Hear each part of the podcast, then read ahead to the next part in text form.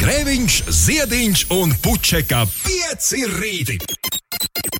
Eterā katru dienu starp 6 un 9. Lai teiktu mums visiem, labrīt! Yeah, yeah, yeah, yeah, yeah, yeah. Yeah, yeah, yeah, yeah, yeah, yeah, yeah. Nu, labu rītiņu! Labrīt! Kas par pirmdienu? Pasties ārā! Jau gandrīz gaišs! Garāžas studijas pulkstenis gan rāda 5 no rīta joprojām. To es domāju, neviens arī nepārgriezīs līdz nākamajai pulksteņa griešanai. Priekš kam? Jā, nu kopš pulksteņa griešanas mēs neesam tikušies. Esiet sveicināti! Garāžas studija ir atgriezusies ēterā. Katru dienu starp 6 un 9, un tad vēl podkāstu mašinērijā. E-punkts uz Slimsvītra podkāsts 5 rīta, dāmas un kungi. Oriģinālais sastāvs ir atpakaļ. Grēviņš, Ziediņš un Puķakā. Puķaka bišķi atgādina dāmu no šausmu filmām, jo šorīt ir taisnojusi matus. Nu, vai vakar ir taisnojusi matus? Labrīt, Inesē! Tā, uh, tagad izdomā, ko es esmu nepareizi saspraudis. Jo es tev nedzirdu nemaz. Pamēģini vēlreiz kaut ko pateikt. Ai, es zinu, kur ir vaina. Pagaidi, pagaidi, pagaidi. Tā, uh, Ines pamēģini kaut ko pateikt vēl. Labrīt! Jēj! Man izdevās, izdevās atrisināt Nu- ainu, pasties, cik sekundēs. viens un divi. Veiks un vesels tom. Jā, Paldies par, grē, par, eh, par grēviņu veidīgo komplimentu rīt agrumā. Izskatās pēc šausmu filmas, tas tāpēc, ka taisnojas matus šorīt. nu, jā bet iedomājieties, tādā krēslā sēž jaunā ar, ar taisnotiem matiem. O, Tas ir pirmais, vairāk, pirmais skats, ko tu ieraugi savā es dienā. vairāk gribētu domāt, ka tas ir gaismas efekts, kas eh, šo šausmīgo skatu dod. Jo es neesmu ieslēgusi gaismu šajā istabā, kurā es sēžu. Tas ir palicis, eh, tā ir palikusi koridorī, un pēc man no aizmugures spīd gaisma. Bet, Nu, Labi, uh, Ļausim vēl kino režisoram Ziediņam pēc mirkļa novērtēt, kā, jā, lai viņš novērtē tiešām. kā, kā tas šajā rītā izskatās. Labrīt, Inês, prieks tev redzēt. Kādu laiku Man tevi arī. Jā. S Jā. Smaids pa visām ausīm, par to arī dziesma. Kā var pēc šādas dziesmas nesmaidīt? Uldis Ziediņš ir ieradies. Dāmas un kungi! Labrīt, Uldi! Uh, jā, Uldi. Uldis runā, un viņa nedzird. Uldim pie tam ir arī kaut kāds tur zoom efekts. Viņš zūmojas iekšā un ārā un ā, iekšā un ārā. Vismaz Nē, visu laiku uh, vienādu, bet viņam ir jā, slēgts Uldi mikrofons. Jā, bet kurš man viņu izslēdz? Jo O, tikko tagad mēs ir ar Ines- ieslēgts. Ah, Nē, tagad tu es- tikko izslēgts. Uldis, man liekas, pats ir sava mikrofona man, šoreiz. man arī ir. uh, Ziniet, tas ir normāli. Divas nedēļas nav nekas tik uztināts uh, uh, garāžas studijā. Un tāpēc neskapēc Uldis tiek slēgts automātiski ārā. Es uzlikšu Tā, es atmutējos. un tūlīt Jā, arī- tagad mēs tevi dzirdam. Un tūlīt robots tev izslēgs ārā. Jā. Uh, es tūlīt mēģināšu saprast, ko mēs varam lietas labā darīt. jā, nē, viss normāli, viss normāli. Ir Īsts piecrīt rīts. īsts, īsts rīt radio ir apakaļ. Jā, šaubu nav. Man patīk, kā Ulas atmeta roku un aizgāja mazgāt zobus demonstratīvi. O, tiešām mēs šķiet, ka redzam šobrīd Ulda vannas istabas sienu. viņš pirms O, nē, viņš tā ir tavējā siena. Viņš pirms mirkļa, jā, es. Uh, Es nezinu, kāpēc jūs redzat manu sienu. Ah, tāpēc, ka man jābeidz pie šī tā podziņa. Okay. Oh, jā, tagad mēs tevi redzam. Nu, mēģini runāt, runāt, Tā, runāt. tagad vajadzētu būt, ka tu varēsi ļoti labi runāt. Galvenais neskarties nekam klāt. Viens, divi, trīs, viens, divi, trīs. Pagaid, bet man ir vēl viens uh, tipiskais piecrītu jautājums. Droši, droši. Kāda ir mana skaņa? Vai man vēl joprojām ir cirkcenīša fonā? Nē, tu izklausies brīnišķīgi. Viss īstenībā izklausās brīnišķīgi. Uh, nu, nav taču nekāda circiņa. Tu izklausies. Nē. Mēs izklausāmies tā, it kā tas mēs būtu tiešām ir bijis- garāžā. Barošanas bloks uh, vats datoram, kas ir kaitējis. iepriekš. Bet tas ir aizraujoši, jo tev to pateica uh, jau pirms pāris nedēļām mūsu inženieris, un izrādās viņam bija taisnība. Uh, bet, Tiesa, es barošanas bloku neklausīja, jau no radio paņēmu piekdienu, jo es visu laiku aizmirsu viņu paņemt. hmm, To. Jā, to pagaidi, brr, kuru piekdienu? Man jau viss ir sajūta. Kur, pagājušo piekdienu. Ah, tas nozīmē, ka arī Magnusam turpinājās circeņi divu nedēļu garumā. Jā, bet viņš nevienā brīdī uh, nečīkstēja par to. Hmm. Cik jauki. Ah, jo ar laivu. Augšā, augšā. Ai, un balss, kas lācis Norvēģijāni, taksists, dīdzi, riteņbraucēji, eģe, dāvi. Sliktā meitene Alfrēda, nu nāciet visi, jā. Nu, kārtīgi apkamsimies. Drīz jau arī citi vēl pamodīsies. Prieks arī jūs redzēt pēc pāris nedēļām. Lai jums izdevusies šī diena, raksta Norvēģija Jānis, un visa darba nedēļa. Man gan nav labi sākusies mašīnai, zobsiksna plīsa un nu motors beigts. Tas būs dārgs prieks. Zobsiksna. Mūžs dzīvo, mūžs mācies. Šī tāda es vēl nebiju dzirdējis, ka tāda ir. Zobsiksna. Ko tā dara, Ulu? Zobojas. Nē, es arī zinu to, ka, ja tā saplīst, tad tur izrāja visu motoru no iekšpuses uz āru. Nā, Mēs nepaņēmām īvētu no ērgļiem. Bariņā nāca īvēt, tu arī apskauties. Nāc šurp, šurp. Jā, droši. Šī dziesma bija lieliska dienas sākuma sportojot, bet Omīts tā jau domā, ka esmu šmarkomāns, kas sportoja tik agri un tagad vēl dejo tik agri no rīta. Veiksmīgu dienu, raksta Artūrs. Artur, ja tu vēlies dejot, tad tu vari dejot, kad tu vēlies. Jā, jums nav. Uzaicini tās omītes dejot. Ja jums nav kur dejot, iet. Un tad ir nepareizā latviešu valodā kaut kas iedziedāts. Tā ir ā, 19 minūtes pārpusdienas sešiem. Labrīt! Ines! Kas notiek? Hmm. Kas notiek? Tas ir ļoti labs jautājums šorīt. Uh, Gaisa temperatūra ir necerēti silta šim rītam. Vispār aizvadītajā naktī daudz vietā Latvijā gaisa temperatūra pazeminājās zem nulles. Savukārt Dobelas novērojuma stācijā ir pārspēts uh, 85. gadā uzstādītais 11. aprīļa minimālās gaisa temperatūras rekords, esot bijis mīnus 4,7 grādi. Bet, nu, Tas par aizvadīto nakti. Šobrīd diena izskatās, ka iesāksies ļoti skaisti. Vismaz Rīgā man liekas, ka lec skaisti cauri no mana loga var redzēt tādu iesārtu debesu maliņu. Gaisa temperatūra pat labi galvaspilsētā ir plus 10 grādi, un tas ir pats siltākais rīts. Citvieta, piemēram, Ainažos, Alūksnē ir plus 9, plus 7 grādi, Rēzaknē, Daugopilī plus 8, un tāpat arī Ventspilī un arī Saldu liepājā ir plus 9 grādi. Mazliet mākoņaināks laiks izskatās šobrīd kurzemes pusē, un arī dienas laikā kurzemē būs lielāks mākoņu daudzums nekā citvietā Latvijā. Latvijā izskatās, ka būs vissaulainākā diena un vismazāk mākoņi tur gaidāmi. Dienas vidū liepājas pusē savilksies uh, arī lietus mākoņi un izskatās, ka tur dienu līs. Vispār kurzemē pēcpusdienā un vakarā būs lietutiņš. Nedēļas vidū vēl varētu būt uh, arī zem dubultcipariem galvaspilsētā kādā dienā um, termometrs taps, bet vispār rādās, ka sākoties nedēļas nogalē šajā nedēļā, tad mēs aiziesim tādās pastāvīgos dubultciparos. Un man par to ir liels prieks. Tāda sajūta, ka es jums sauli nesu. Saulnesis. Sauli nesu šajā rītā. Mm -hmm. Forši, forši, ka paliek siltāks. Nē, es saku, jūs esat paši labākie. Eidanos.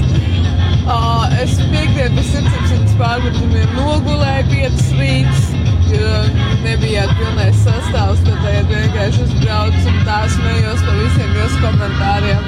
Oh, Prieks dzirdēt jūs izsļūko, ka, uh, ā, Latvijas kā sanāk, pilnā sastāvā. Jā, jauku, super, izdevušos superīgu dienu jums, veicāju. Kā tad vāciski būtu pilnā sastāvā, Ulu? Es, es tāpēc teicu, es viņus kaut kur esmu redzējis. Nu, nevarēja sliktā meitene iz, iztulkot ātrumu. Nav ne mazākās nojausmas. Es tur skan? Tā, kas Kaut kas runā vēl pa vidu. Džeki atnākuši padziedāt dziesmu par meiteni. Ja es esmu apmelojis nelaiķu linku, tad tas ir nu, jāglābj šī situācija ļoti ātri. Uldi. Jā, es tur neatradu neko nepareizu viņa, viņa lirikās. Man liekas, ka tur bija nāciet, nākiet, nepareizs lietojums. Nāciet, dejojiet! Jā, Jā. Man liekas, ka viņš dzied, nākiet. Nav. Man liekas, ka nāciet. Jā. Uz ielas nāciet, dejojiet. Vai tiešām šorīt tam bija jānotiek?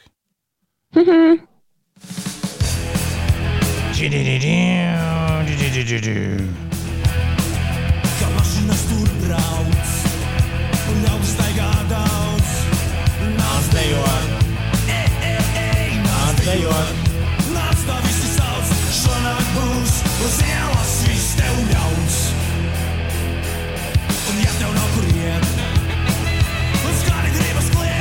Es atvainojos, bet man šis jāatrisina. Ir, ir dažas problēmas, uh, kuras ir Vēl kāds jāatrisina. uz priekšu. Tagad. Lūdzu, lūdzu, lūdzu. Nu, jā. Ko nu Bet jā? dziesmas tekstā internetā rakstīts: nāciet! Bet tā nav! Ierakstā!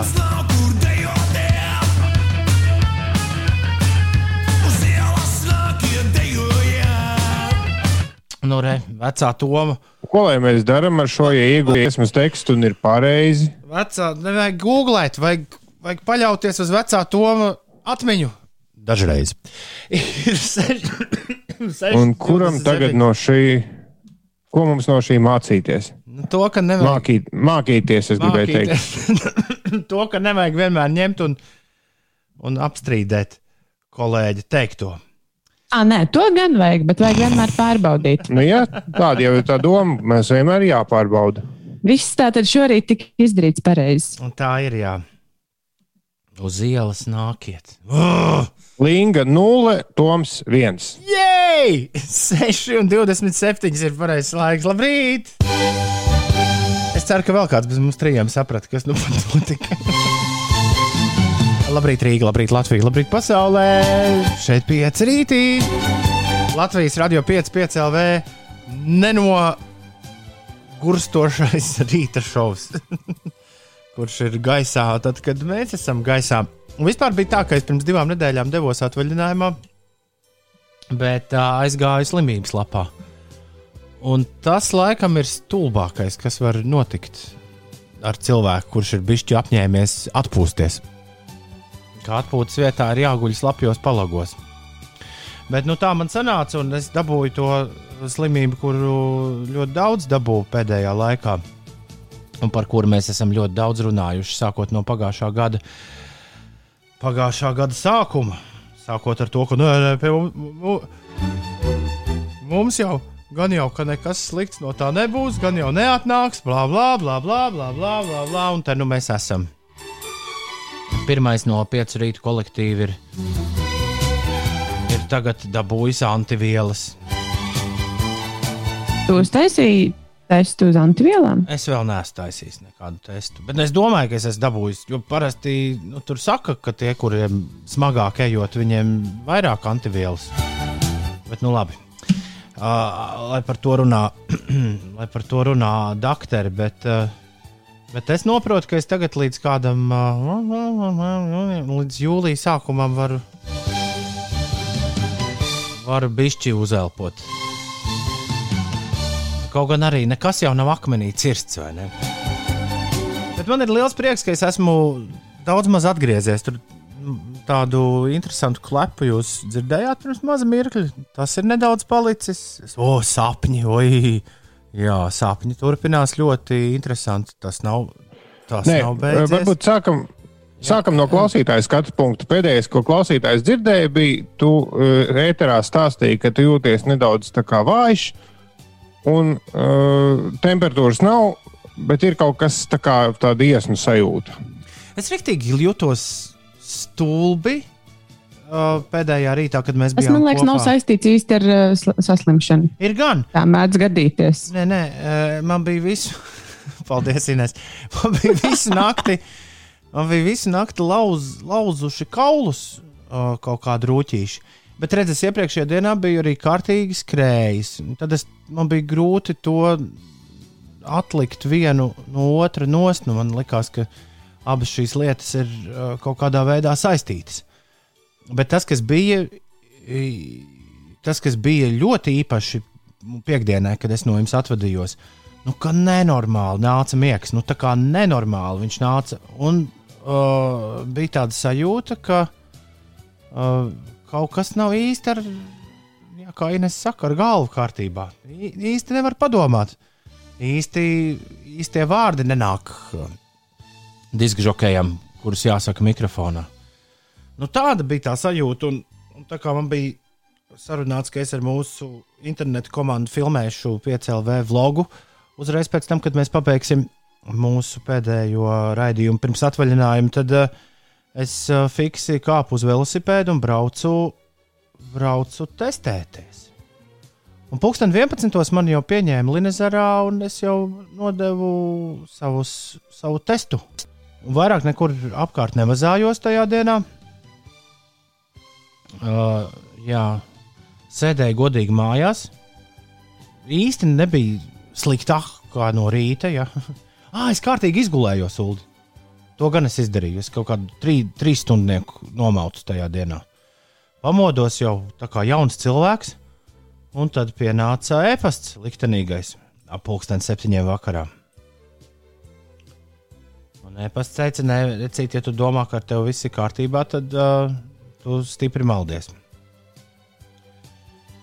Nu, lūk, Epēc to vēl nācās mazliet patulkot. Es atceros, tur nebija tā gluži melns uz balta rakstīts. Tur bija tāds kaut kāds tur. Tur nebija nekur vārds pozitīvs vai negatīvs. Tur bija ko, ir konstatēts kaut kas tur, COVID-2 kaut kā. Bet skaidrs, ka nu, bet visiem bija skaidrs, ka nebūs labi.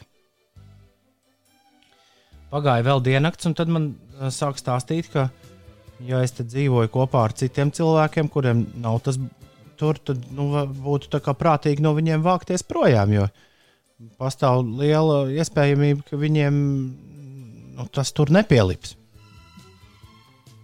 Tā man sāk stāstīt gan ģimenes ārsts, gan arī SPKC, kur man sazvanīja tad, tad ar dienu, nu, diennakti vēlāk. Un tad, eh, pateicoties Inesei, es devos eh, tā teikt, pārziemot un pārslimot savu slimību uz viesnīcu. Jo es jau biju atradis tajā istabiņu, ne bet eh, dzīvokļu īrētavā. Jauku vietiņu, kur paslēpties. Bet tā bija stipri dārgāka Ines par uh, Latvijas investīcijas aģentūras uh, jā, līdzfinansēto viesnīcu. Jā, vajadzēja man kaut kādus procentus paprasīt. Nu, Ja pateikt, es nokārtošu pārskaitu man naudiņu. Viesnīcās ir starp citu visādi, visādi varianti, pie kā tu vari tikt. Bet uh, es tiku pie, es izvēlējos vislabāko, ko varēju dabūt. Un par vislabāko, ko varēju dabūt, ir, es maksāju 8 eiro diennaktī. Oh, skaisti. Un, un ēdienu, bet tas nil, nu, tur nilzirgam jābūt, lai to apēstu. Trīs ēdienu reizes, kuras tev pienes klāt viesnīcā, maksāja 2,40 dienā. À, nebija Wow. tikai brokastis, bija viss pilns Jā, piedāvājums. Ja? jā bet, bet pusdienas un vakariņas bija gaužām līdzīgas katru dienu. Un, un, un tas apjoms, jā, un lielums bija. Oh! Līdz ar Bet to es, varbūt varēja sarunāt. Nu, nākamreiz atnesiet man mazāk. es ļoti ātri sāku eksperimentēt. Nu, piemēram, šodien ēdīšu tikai pusdienas. Vai mm. -hmm. arī šodien es ēdīšu tikai vakariņas. Vai es ēdīšu brokastis, un tad vairāk neko citu nevajag. Nu, tad galvenais ir piezvanīt uz restorānu un pateikt, ka tev tur tā un tā vajadzēs. Un tad vēl iesaistījās uh, vis, vis, visas šīs. Es kopā, man liekas, desmit naktis pavadīju, deviņas vai desmit naktis pavadīju viesnīcā. Tad vēl iesaistījās doktors un teica, viss, ko tu ēdi, ir slikti. Tev tagad jāēd kaut kas pavisam, pavisam cits, un tad bija jaunas galvas sāpes. Un tu piezvani un paprasti, vai, jums nav kaut kas nu, no tā, kas tev tur teikts, tur grīķi, vai, vai būs kaut kad grīķi, vai būs rīsi? Mm -mm, mm -mm, nebūs. À. Mm. Nu, tad tādā tu baksti telefonā un meklē indiešu restorānu tuvo, kurš tev rīsus var piegādāt. Bet, ap citu, ja nu kas, Garlaicīgi nebija. Runājot par Šis- ēdienu, garlaicīgi tiešām nebija. Šīs viesnīcas var izmantot arī cilvēki, lai dotos pašizolācijā, ne tikai lai izslimotu. Jā, pašizolācijā, un tās viesnīcas var izmantot arī, ja tu atgriezies no ārzemēm. Jā, tieši tā.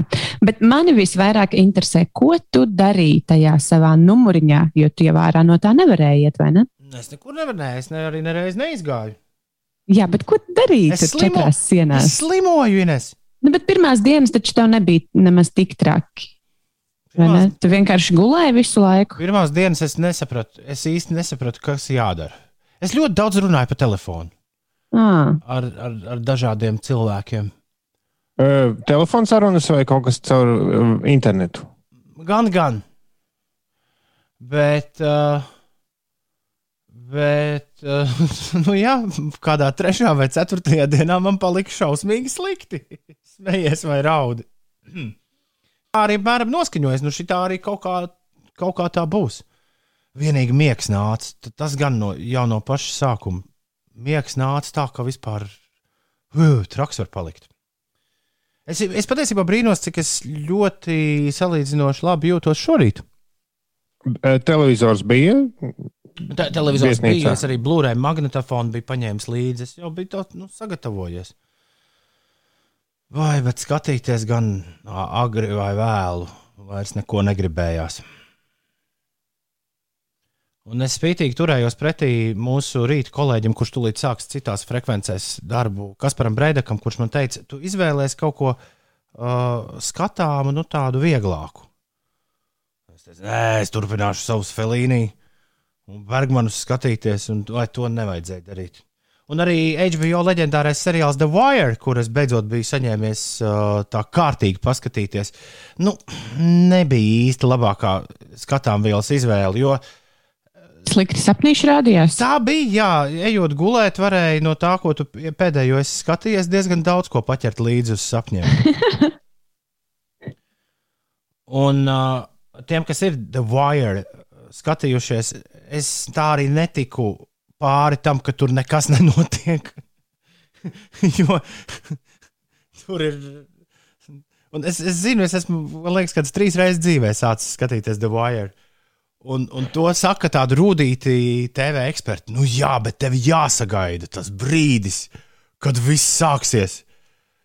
Bet uh, par vairu mēs parunāsim rīt, jo pateicoties tavai pandēmijai, mēs, es noskatījos pirmo sezonu. Wow! Un, jo man rītdien jāstāst. Ir. Wow! Jo es, es arī vienreiz biju iesācis pirmo sēriju, un apmēram pēc 20 minūtēm aizmigu. Es tiku līdz Bet- kādai piektajai vai sestajai, bet tur joprojām uld nekas nenotika. Uh, nu, par to mēs parunāsim rītdien. Jo tas ir, uh, ja nenāk miegs, tad tur viss notiek jau pirmajā sērijā. Tas ir. Uh, Es pārbaudīju sevis praksē, ja to, to seriālu sāc skatīties brīdī, brīdī nāk miegs, tad nekas nenotiek un nenotiks arī visas sezonas. Bet, ja, ja nenāk miegs, tad viss sākas jau pirmajā sērijā. Oh. Tad, tad rīt, redzējumā, pieci to mēs rīti, rīt, jā. leģendārais HBO šovs The Wire. Nedaudz tā uzlikts uz um, tā teikt, operācijas galda. Labi, bet viss svarīgākais ir tas, ka tur runā kāds fonā vai nerunā. Es esmu, es esmu atpakaļ. Un, un uh, es ļoti ceru, ka tas drāņķis neatstās nekādas, nekādas pēdas. Bet kur tur vēl tās jāmeklē? To pagaidām es, Ines nezinu. Sveiciens policistiem, kas nāca man apciemot viesnīcā katru dienu. Tas gan ir ļoti interesanti. Tās policijas vizītes, tās man paliks atmiņā bieži. Uh, droši vien nevis bieži, bet ilgi.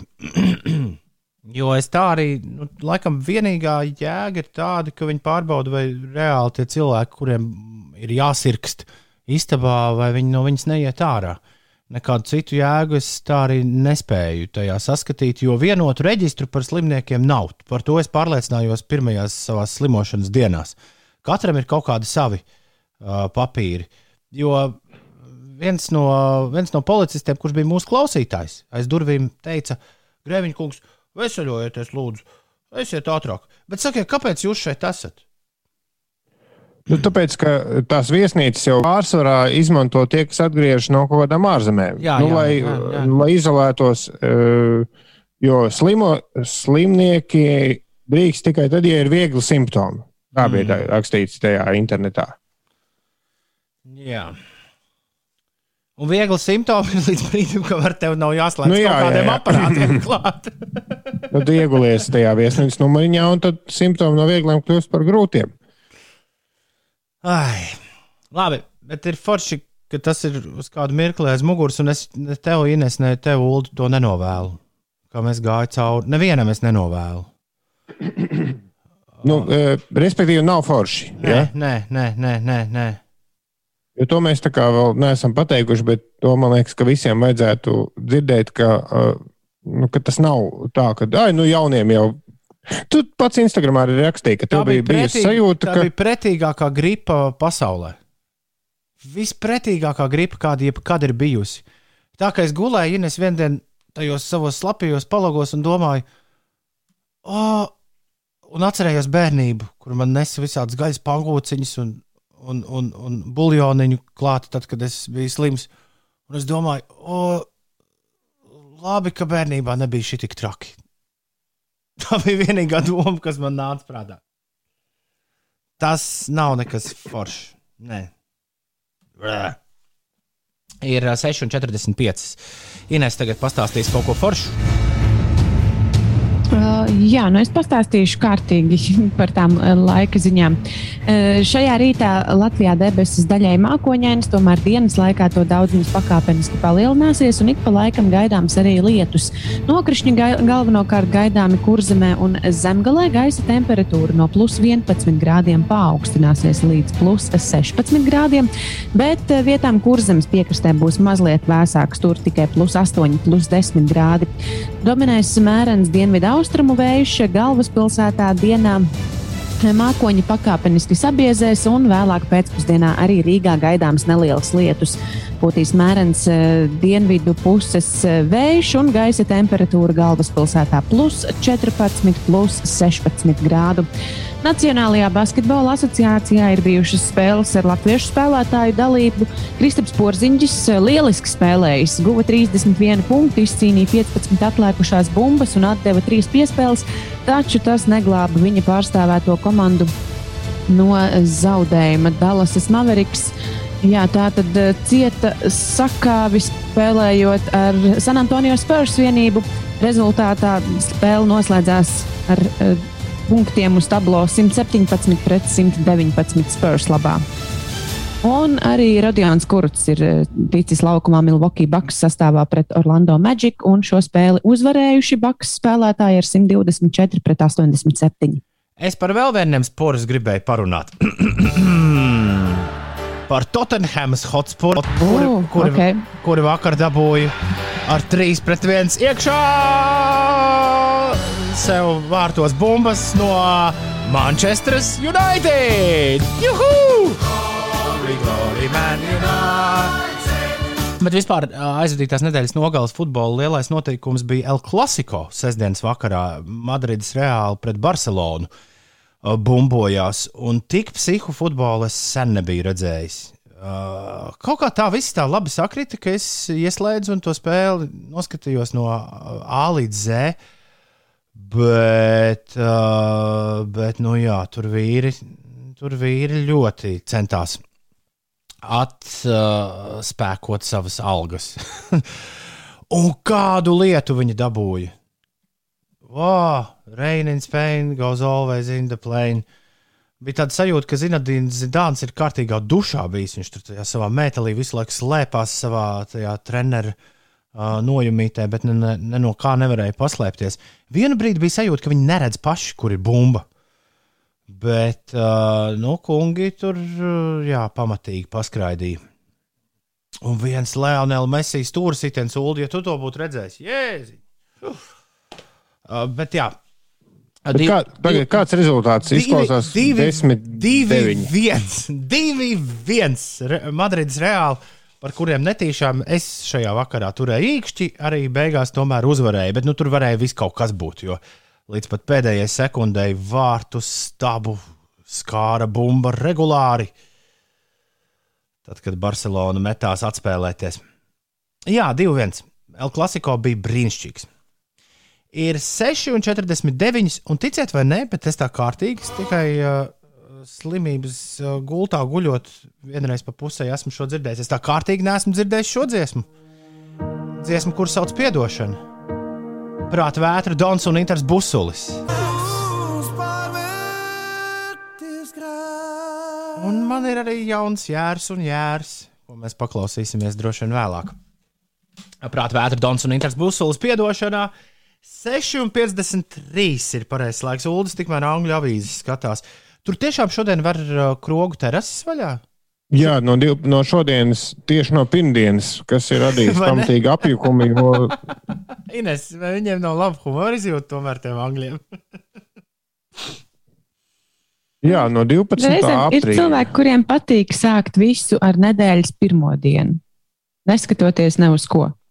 Tā. Bet tur ir interesanti, jo, piemēram, Londonas pusē nevarot vispār atrast vietu, kur tu vari dabūt, nu, pieregistrēties uz, uz, uz galdiņu. À, tā kā viss jau ir noreģistrēts. Jā, jau pāris mēnešus uz priekšu. Savukārt, uh, dzirdēju radio, ka līdzsā ir krogi, kuri vienkārši, kas pirmais atnāks, tas, tas dabūs apsēsties. Bet, uh, jā, šodien viņi. ir jāsēž. Uh, Jā, nē, run, jo runa ir tikai par ārā terasēm. Tu nevari iet iekšā. Krodziņi kā tādi vēl joprojām ir slēgti.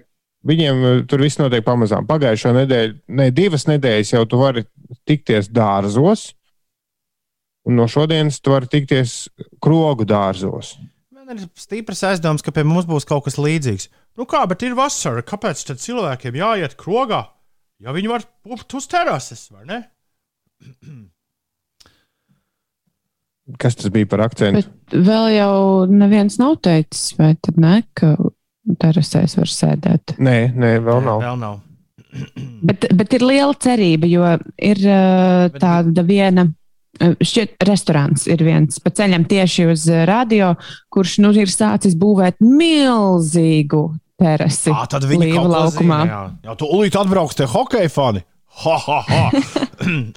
bet, uh, Prātīgākie krogi, tā kā pie radio durvīm esošais, vienkārši nenojauc nost.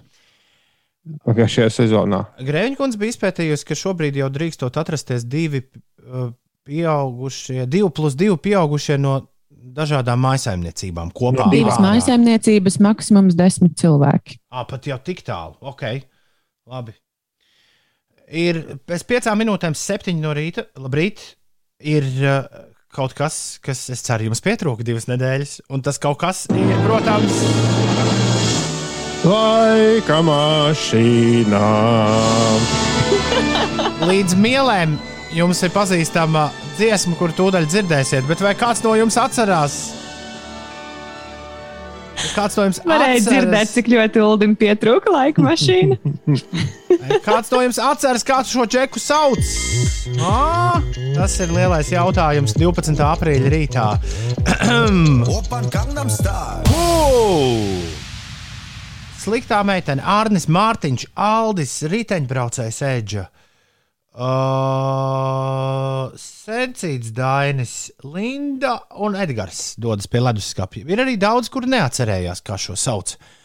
Kā sauc to vīriņu, uh, Ines? Vai tu atceries? Kurš saka, Nu. pagaidām stāvu kā ezelīts lēkā. Tas bija gaužām vienkārši, jo uh, ir tikai trīs burti. Jā, jā, jā. jā kā- Sāi. Uldi, vai tu zināji, ka tas ir psāri? Inesēji punkts. Oh! Ugh, Cik forši sākta nedēļa. Jā, es tiešām nevaru atcerēties. Man juka kopā ar to pen, uh, pen, uh, pineapple, Apple- apple, Apple pen. Jā. pen. Un viss, kas man nāca prātā, bija vārds salikums Neo Geo. Tas bija, tas bija psāri un opā Gangnam style. Kas tev liekas par Neo Geo? Man, tā, man liekas, ka tā sauc šo mākslinieku. Kāpēc? tas ir žurnāls, vai ne? jā, jā, jā. jā.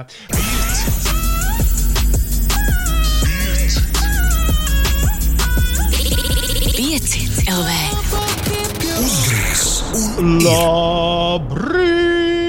Labrīt, labrīt, labrīt, labrīt, labrīt, labrīt, labrīt, labrīt, Ulu, labrīt, Ines. Labrīt. labrīt. Ulds dabūja vakcīnu, Ines, dzirdēji? Tu, tu, tur redzēji, kad, kad mūs vakcinēs? Es mazliet vēl arī ar Ulu parunāju, bet mēs izdomājām labāk ēterā par tām lietām parunāt. Uldis ir dabūjis pirmo šāvienu, otrais vēl būs, jā? Jā, bet uh, nav tā, ka viens plus viens ir divi. Vakcīnu gadījumā man arī likās, ka tu tikai pēc otrās vakcīnas dabū imunitāti, bet nē, tā nav arī pēc pirmās. Tu, tu dabū. Vai tad tu, dabū to imunitāti vai tu nedabū? Nu, tas ir li ļoti līdzīgi kā encefalīta pote, kuras arī veicu pirms apmēram mēneša, kas gandrīz man nojauca, starp citu, šo covid poti. Jo, ja, ja nebūtu bijušas tajā dienā, kad es gāju potēt covid, man bija precīzi 14 dienas kopš encefalīta potes. Un, ja būtu bijušas, teiksim, 10 dienas, tad man, man pasūtīja trīs mājas tālāk, jo tur doktori vienkārši teica, viņi, viņi nezina. Un, ja, nu, ja nav divas nedēļas, tad viņi neuzņem tos atbildību teikt, ka viss būs ok, ka tur tās abas potes sadzīvos tā veiksmīgi. Bet tā kā bija divas nedēļas, tad viņi apspriedās. Man bija jāapsola, ka es tagad divas nedēļas pēc covid potes nepotēšu encefalītu otro poti. Un tad man ļāva to visu darīt. Respektīvi, tieši tāpat uh, tu dabū pirmo poti, un tad pēc kāda laika ir otrā pota. Bet uh, imunitāte tev jau veidojas jau tagad. Vienkārši tā pirmā ir, uh, cik es sapratu, tā pirmā ir. Uh, nu, pēc kāda laika organisms ar to visu tā kā, tā samierinās un tiek galā, un, un tad tev ir tā otrā, un tad ir nu, tā pavisam droši. Nu, skaidrs. Jā, trijos vārdos izstāstot, man bija salīdzinoši viegli. Blaknes, pret, dzirdot, kā daži Instagramā rakstīja, man bija vienkārši temperatūra otrā dienā, ko es pat nemērīju. Es jūtu, ka ir temperatūra un zināju, ka tā tam ir jābūt. Līdz ar to es pat neizmērīju, cik tā bija. Un man interesanti, ka otrajā vakarā bija riktīgi. Pēkšņi tā kā, un to man arī vairāk cilvēku pēc tam rakstīja, bija tā kā uh, pagriezt kāds aizdedzi. Vienkārši vakarā sēž, sēž, paēda kaut ko un burtiski vienā brīdī ar, ar, tā kā, ar, nu, tā kā ar, uz burbuļu mājiņa sākās drebuļi. Iedzēra paracetamolu, viss pārgāja, un tad divos naktī beidzas vīst, un arī pēc tam viss beidzās. Tas bija ļoti konkrēti varēja just to brīdi, kad sākas un kad beidzas tās blaknes. Un viss interesantākais bija sēžot tur tajā vakcinēšanas pasākumā, tur tu- tev palūdz pasēdēt 10, 15 minūtes un neiet projām. Un, nu, Nu, jā, lai, lai redzētu, vai tev pašā sākumā Nu jā, jā, nē, nepaliek slikti. nu, tā ir. Tur, tur visi, pilnīgi visiem ir salikta tāda krēsla ar distanci, un neviens nedrīkst iet projām. Visiem ir jāsēž tas, tas pirmais brīdis, jo, ja, ja, ja nu kādam ir kaut kāda reakcija, un tic, ticiet vai nē, bet tā sajūta, ka tu jūti, ka kaut kas ir tevī. Nu, ka tu organisms sāk ar kaut ko tur cīnīties, baigi interesantā. To uzreiz jūt. Pašā sākumā jau ja, tā jūt. Jā, man gan lielākā blakne bija sāpes nevis tajā plecā, kurā man iešpricēja, bet otrā. Un sāpes bija apmēram trīs stundas pirms potes. Bet kā ir reizēm nesanāk eh, piedomāt tās eh, lietas? Nu, ja tevi nosēdina un saka, ka varētu palikt slikti, un tad tu sēdi un domā, tā, tā, tā, ko nozīmē, nozīmē, ka man tikko viena sviedru glāsa nopilēja par uh, pieri, kāpēc man tur kaut kas iesāpējās, vai tā ir jājūtās. Nav tā, ka piedomā. Nē, bet ne, bija, bija tiešām tā sajūta ļoti, ļoti dīvaina. Bet es biju izlasījis visu, visu par to, kā darbojas imūnsistēma, un nekas tur nepareizs nebija. Arī tajā, ka tur kaut kāds blaknes ir. Bet, Ines, Tajā imūnsistēmas aprakstā. Jā, nē, nu, manā reakcijā. Bet, Ines, kā, te, kā jau es teicu, visjūtamākā sāpe plecā bija nevis tajā, kurā iedūra, bet otrā un trīs stundas pirms došanās uz turieni. Es jūtu, ka sāk, savu organismu. sāk sāpēt plecs. Kā tu izvēlējies, kurā plecā špricēs? Otrā, nu, tajā, kurā nešpricēja encefalītu. Man bija Ah. vienkārši. Skaidrs. Bet, eh, ja kādam jautājums, atklāts, kad mani un Ines špricē, kad mums iedos špricīti. Kad pienāks kārta, kārta uzvanīs. Ai. Kad tas būs? Nu, kas to lai zina?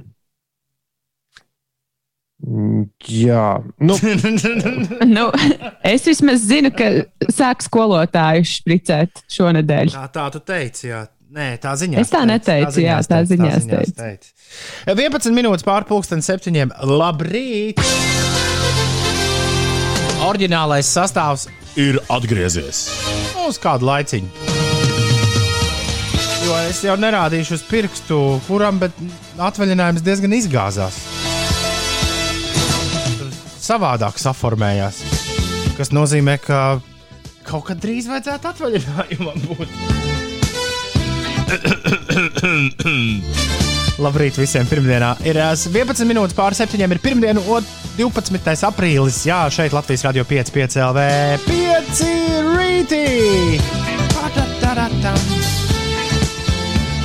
Tā, šodien Ainim un Jūlijam ir vārdu svētki. Čau, Aini un čau, Jūlija.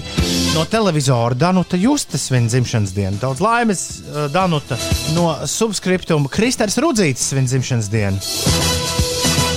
Daudz laimes viņam. No Beverly Hills 90210 Šanena Dohertīs viņa dzimšanas diena. Pēc bildes, uh, ko Ulas ielicis, gan nepateiks, ka viņa no tiem jauniešu seriāliem. Bet nu, tāda viņa ir tā Šanena Dohertī. nu, tas seriāls arī bija pirms 30 gadiem. Davidam Lettermanam ir dzimšanas diena, Endijam Garcijam, Edam O'Neilam, Klērai Deinzai un Karlosam Seinsam, Spānijas autosportistam. Arī šodien daudz laimes dzimšanas dienā mēs novēlam, un lai, ja arī tev ir dzimšanas diena, lai šodien vareni dzimšanas diena izbaudu pirmos plus 17. Tādus mums tas sola galvaspilsētā. Es ceru, ka es neesmu vienīgais, kuram šī dziesma patīk. Ja tā ir, tad uh, lūdzu paceliet balsi. Uh, Satelīts LV jaunais gabals nedrošība 7,16 minūtēs. Šeit Latvijas Rādio 5, 5 LV, 5 rītī. Naktī zvaigžņu nav, nav, nav. Manā Spotify gada bilancē Grēviņa kundze prognozē, ka Bermuda divstūris šogad ņems virsroku. Maniem dēliem pēdējā laikā ir aizgājis beidzot sarkanbalts sārkādais amastā plīvo. Man ļoti sāpīgi klausīties šīs grupas uzstāšanos, jo uh, šī ir viena no vis, visdegošākajām dot pieci izsolēm. Nu, Tas nav, nav Es nemaz saprotu, nav. Es- nav smieklīgi. Es vienkārši Ber- atcerējos, ko tu, jā, ko tu teici. Jā, Bermuda divstūris apzī, bija ā, izsolē bija divi apzīmēti skrējēji. Viņu apkrāsoti. Un ir, ir sācies pavasaris, un skrējēju laimētājs vēlējās ar tiem vizināties jau pirms kāda mēneša. Un uh, Bermuda divstūris ir ierakušies ierakumos tik dziļi, cik vien var ir, ir dziļi ierakties. Viņi, viņi ti- ne tik nav tā, ka viņi nav bijuši Rīgā, viņi vispār nav bijuši nu, nu, kaut kur. Viņi nav. Nu, Viņa nav, jā. jā nu, pandēmijas laiks ir iesitis pa visām izsolēm, ieskaitot manu gaisa balonu lidināšanos. Jā, man laiva braucienu. Es Jā, gan savējo veicu. Ā, Izsolu is, Islandes maratonu. Jā, bet, ja mūs klausās Bermudu divstūra uh, skrējēju laimētājs, mums šis tiešām ļoti, ļoti sāp. Jo uh, vienkārši fiziski nav iespējams uh, to nokārtot. Nu, Unbelievable! Neticami. 7,24 minūtes ir pareizais laiks, bet mēs turpināsim medīt biceps un triceps, un vienā dienā mums viņus izdosies nomedīt. Tā kā, tā kā nevajag nolaist degunu. Vienīgi tagad tas trīsriteņu tieši īstais laiks sākas. Varbūt vajadzētu, past, vajadzētu kaut kā pasteikties. 7,24 Inês pastāst, kas notiek. Sāksim ar tādiem tuvākiem sporta notikumiem. Latvijas telpa futbola izlase izšķiroši 2022. gada Eiropas čempionāta kvalifikācijas turnīra spēlē šovakar tiekas ar Sloveniju. Spēles starp abām komandām Slovenijā pēc Latvijas laika paredzēta pulksten pusaustoņos vakarā, un Latvijas izlasē šī spēle ir jāuzvar jebkādā gadījumā un ar jebkādu rezultātu galvenais ne ar 1-0.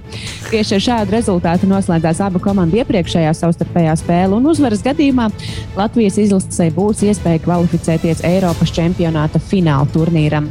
Tālāk par spēlēm, kas jau ir notikušas Nacionālajā hokeja līgā. Laukumā ir atgriezies Teodors Bļūgers.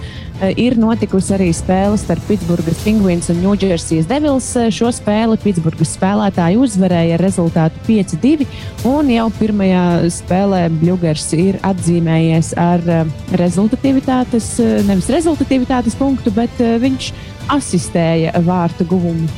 Un Nacionālajā basketbola asociācijā spoži nospēlējis Kristaps Porziņģis, bet viņa sniegums tomēr nepalīdzēja Dallasas Mavericks uzveikt San Antonio Spurs. Dallasieši zaudēja ar rezultātu 117 pret 119, bet pats Kristaps šajā spēlē guva 31 punktu. 7,26. Labrīt! Ingai prieks mūs visus trīs kopā dzirdēt. Inga, prieks tevi redzēt! Medūza un Dermots Kenedijs ar Paradise 7,29 minūtēs. Labrīt, pirmdienā! Un kā katru pirmdienu, marša solī. Atspēris rīta durvis. Mūsu virtuvē ienācis ir neviens cits kā Džeks no podkāstu departamenta. Andrejs Siliņš ir kopā ar mums. Čau, Andrej! Čau, čau, labrīt! Klau, Andrej, kamēr es slimoju, notika neticamais es man šķiet, pirmo reizi piespiedu play pogu kādam podkāstam, ko atsūtīja Uldis.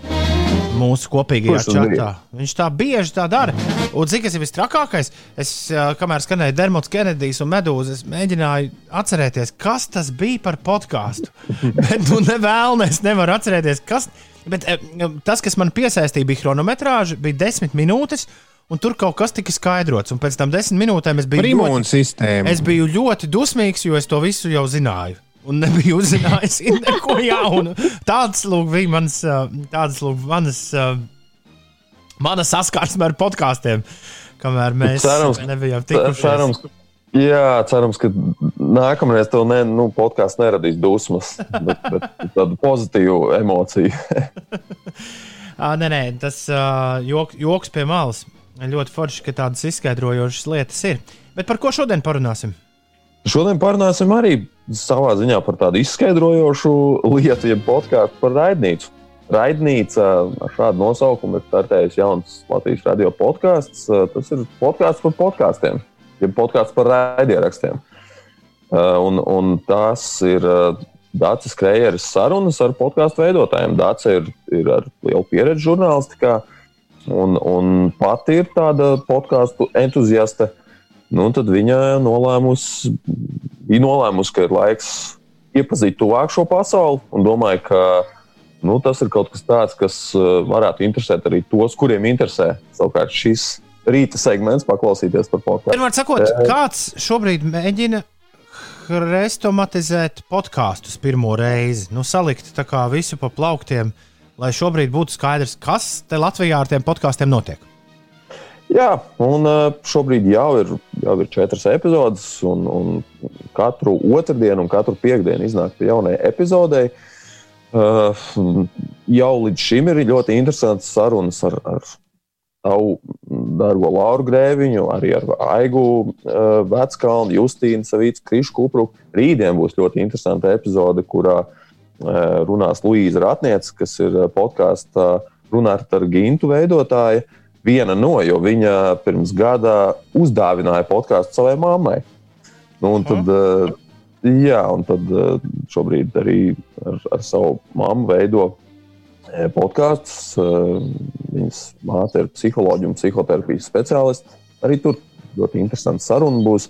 Tā kā divreiz nedēļā uh, interesants dažādas tēmas par, par to, kas vispār ir podkāsts. Kā jau teicu, tad, kā tos veidot, uh, kas ir kaut kādas aktuālas lietas un kas ir ļoti interesanti. Uh, šajos podkāstos šie podkāstu veidotāji iesaka arī citus podkāstus. Nu, tā ir lieta, kas, uh, ko, ko viņi paši varbūt klausās, ne savu, bet kaut ko citu. Nu, nu sakot, tas tā veļas tā kā tāda liela sniega bumba. Jā, jā, jā jo nu, podkāstu jau ir ārkārtīgi daudz pasaulē, un, un, un bieži vien mēs sastopamies ar to problēmu, ka ir tik daudz, ka nezinām, kur sākt īsti. Un ko vēl, klausīties? Un vēl rādio jāklausās, iedomājies. Viss, Tieši tā. Viss, viss te kopā. Jā, traks var palikt. Labi, vēlreiz, kur, kur meklēt šo Latvijas radio podkāstu? Kāds bija tā nosaukums? Raidnīca. Raidnīca ir šī Raidnīca. podkāstu nosaukums. Un, jā, sameklējums visos lielākajos, Spotify, Apple, Google un, un, protams, arī mājaslapā. Ja nu, kādam ir ērts tā klausīties, arī to var darīt. Ļoti, ļoti izdevīgs nosaukums, jo iegūlējot raidnīcu, neko citu neatrodu kā šo. Yeah. Es arī tieši gribēju izteikt komplimentu par nosaukumu. Man patīk. Vareni. Nu, forši. Man arī patīk tas, ka katru pirmdienu bišķi mēs par uh, podkāstiem klāču uzsitam. Mums bija vēl pāris tādas uh, sīkās tehniskās lietiņas ar Andreju. Mēs te aizkadrā uh, izrunājām. Šaujiet par- vaļā, šaujiet vaļā. Pirmkārt, par to, ka uh, Clubhouse, kas arī savā ziņā ir kaut kāds audio saturs, ir tagad, tagad var sūtīt naudiņas pagaidām gan tikai ASV lietotāji, bet ir ieviesuši jaunumu, ka var, tu vari vienkārši nosūtīt, uh, ja tev kāds iepatīks runātājs, tu varēsi viņam nosūtīt naudiņu. Valsts ieņēmuma dienestam iepletās acis. Oh! nu, tik būs. Kā tas Jā. ziedojums vai tad ne? Nu, Bet, par to arī uh, jāmaksā, par to arī jau maksā ragā. Spotify, jeb Spotify ir palaidījis gaisā savu Clubhouse. Viņi ir nopirkuši jau eksistējošu aplikāciju ar nosaukumu Locker Room. Un līdz šim tās ir vairāk vai mazāk bijušas uh, mm, sporta sarunas. Uh, bet, uh, respektīvi, sporta līdzjutēju Nu, kā, mēs, no de, nu, mēs no tā Donalda. Trumpa atceramies. It's a locker room talk. It's locker room talk. Jā, jā, jā. Nu, lūk, un Spotify tas lielais plāns ir tāds, ka nu, viņi tagad nāks un izveidos šo par ne tikai sporta, bet lielu, nu, tiešām Bet tādu Spotify piedāvātais uh, pakalpojums būs pieejams pilnīgi visiem dažādiem telefonu Tā lietotājiem. varētu būt. Šo, šobrīd, šobrīd, starp citu, vēl nē, bet vispār, protams, tas būs pieejams. Un arī Clubhouse kaut kādā brīdī jau noteikti būs pieejams. Visu Es lasīju, ka diezgan vēlu tas varētu notikt ar Clubhouse. Tā Jā, kā jā, nu, Spotify, fi- Činki, Jā, bet činki, uh, vinnēs jau tas, kur būs cilvēki. Un kur būs saturs? Galu galā. Un šobrīd, šobrīd tie Clubhouse konkurenti, man liekas, ka apmēram seši top vienlaicīgi. Oh. Jo bija runa. Clubhouse uh, iedeva kurvītes, starp citu, Twitteris klīs baumas, ka Twitteris mēģinājis nopirkt Clubhouse par četriem. Clubhouse pateica, nē, Bet, ap citu, es esmu arī dzirdējis, ka nu, pamazām tas tomēr mirst nost. Tas pirmā, tā pirmā sajūsma bija, bet kaut kādā brīdī tas Nu, uh, nomirst personīgi dabīgā nāvē. Man, man personīgi ir mazliet apnicis. tā kā Jūs noteikti varbūt vairāk esat šobrīd jau, jau tur gan kā dalībnieki, gan, gan, gan klausītāji. Uh, Vismaz laiku pa laikam es redzu, gan Ulu, gan Tomu piedalāmies kādās. uh, Man atnāk notifikācijas, ka jūs kaut kur piedalāties un, un, un uh, vai nu runājat, vai klausāties kaut ko. Bet jā, un, un par lokarumu ir tā, ka to šobrīd tā sauc. Nosaukums būs cits, rebrandings notikšot. House un, un, uh, klaps. Jā. jā, nu to mēs redzēsim, kā tieši. Bet es novilku šo aplikāciju, un tur ir viena lieta, kas ir, uh, nu, man patīk labāk nekā Clubhouse. Proti, tur var arī čatiņā piedalīties paralēli sarunai, nu, gluži kā YouTube. Ah. Gluži kā YouTube, kad tu, klaus, kad tu skaties tiešraidi, piemēram, un blakus tu vari čatot. Nu, tā ir lieta, kas ir uh, savukārt, nu, man vismaz šķiet tāda uh, pa, pareizais veids, teiksim tā. Nu, jo cilvēki to jau zina, kā ir patērēt uh, YouTube, tā kā kaut kas līdzīgs mm, arī tagad top šajā aplikācijā. 2021. gadu mēs iesākām ar prognozēm par to, un man liekas, tieši to es arī jautāju tehnoloģiju čalim no Radio Nāba un Latvijas Radio 1, kur tu mums biji pirmdienas rītā aizdevis savā vietā. Es tieši to prasīju, vai mums būs kāds jauns sociālais tīkls, kas sāks griezt visu kājām gaisā. Un es neatceros, kāda bija viņa atbilde, bet nu, mēs esam, ir 12. aprīlis. Un, Un, un jā, sešas atbildes Clubhouse top šobrīd kaut kur programmētāju kantoros. Ulu, ko tu gribēji teikt? Nē, es gribēju teikt, ka galvenais ir tā, ka tas uh, galvenais ieguvējs ir lietotājs, nevis tur kāds nu, jauns Zuckerbergs. Būs, būs, būs. būs. Andrēs Siliņš ciemos pie mums. Parunāsim par podkāstiem arī pēc nedēļas. Čau, Andrej! Čau, Andrej! Čau! Šī ir dziesma patiesībā par rīta radio, par vārdu piegādi. Mēs tos vārdus jums gādājam. 7,40 minūtēs tagad vārdu piegādātāja galvenā ir Ines Pučeka, kur stāsta, kas notiek. Jā, ir izsludināts tīrības mēnesis. Rīgas meži aicina līdz 17. maijam savākt Rīgas pilsētas administratīvās teritorijas mežos izmestos atkritumus un maisus atstāt pie atkrituma tvertnēm vai koku barjerām. Tur tos uh, attiecīgi atbildīgie cilvēki paņems.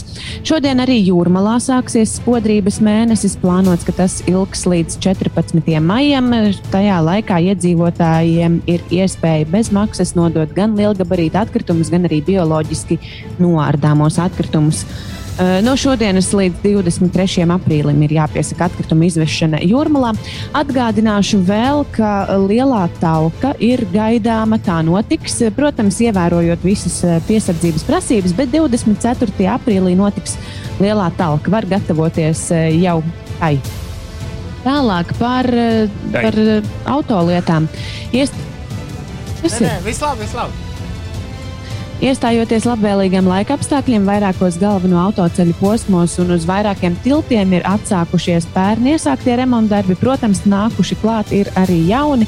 Pat labi, tādi lielākie remontdarbi ir uz vidzemes šosejas augšlīgatnē. Tur turpinās līgatnes caurtakas remontdarbi, un tur ir ieviesti vairāki ātruma ierobežojumi - 30, 50 un 70 km/h. Bet arī Rīgā ir eh, jauni satiksmes ierobežojumi. No šodienas līdz 30. jūnijam ierobežota transporta līdzekļu satiksme uzbrauktuvē no Mūku salas apļa līdz Kārļa, Ulmaņa gatvei un Bauskas ielai. Tur arī saistībā ar remontdarbiem ir izmaiņas. Pirms 22 minūtēm Inese rakstīja mūsu čatā, man Uldim ir šādi tādi jautājumi. Man šķiet, eh, es ļoti ceru, Ines, ka tie ir geogrāfijas spēles jautājumi.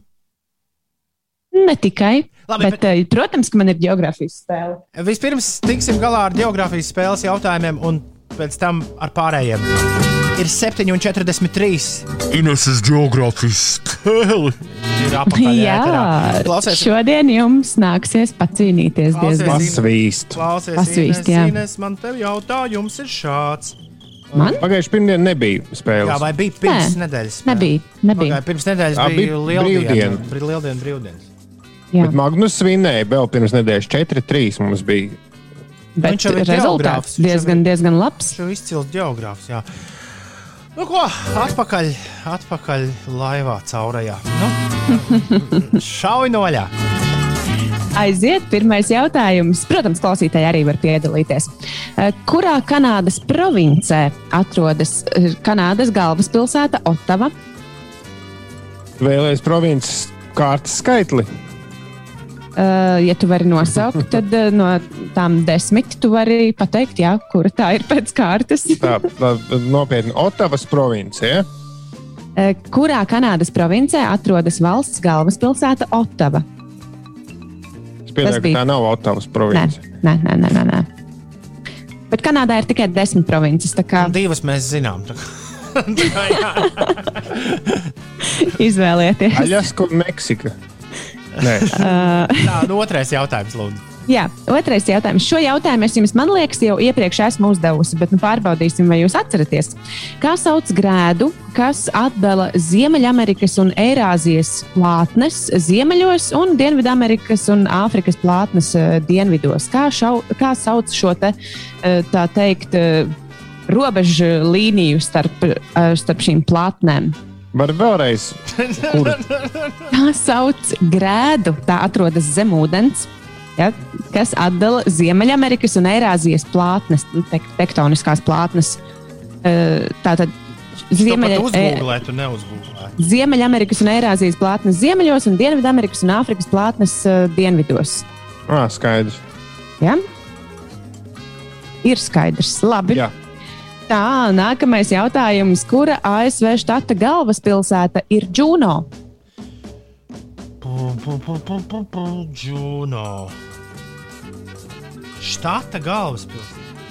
Jā, kura Amerikas Savienoto Valstu štata galvaspilsēta ir Džūno? Un pēdējie divi, man liekas, grūtākie jautājumi šajā spēlē. Perito Moreno. Tas ir uh, turistu iemistu iemīļots, iemīļota apskates vieta, milzīgs ledājs, kas ir iekļauts arī UNESCO pasaules mantojuma sarakstā, bet nosauciet valsti, kur tas atrodas. Perito Moreno. Nedzirdēju. Perito Moreno. Moreno. Var Ines pateikt, lūdzu? Perito Moreno. Rito Moreno. Paldies. Rito Moreno. Jā, milzīgs ledājs, kurā valstī tas atrodas. Un pēdējais jautājums Morisa Džesepa Raks. Kuras valsts tālākais ziemeļpunkts tas ir? Vēlreiz lūdzu. Morisa Džesepa Raks. Kuras valsts tālākais ziemeļpunkts tas ir? Vai Džesepa Ziemeļu? Nu ko, laiks apdomāties. 7,46 minūtēs, kamēr mēs apdomājamies, tikmēr jūs pagriežat radio skaļāk. Denial, Nirvana smells like teen spirits 7,51. Ar tevi kopā Latvijas Rādio 5,5 LV. Šis ir redzējums 5 rītī. Ineses geogrāfijas spēle. Laiks atbildēt. Es domāju, ka es no Magnus esmu mantojis iespēju atbildēt pirmais šodien. Nu, jā, droši. Es ceru. Nu, pieņemsim. Kāds ir pirmais jautājums?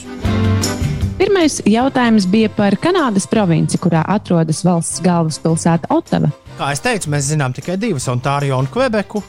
Uh, Toronto, Ontārio. Nu tad, uh, lai iet Kvebeka. Man atbild ir Kvebeka.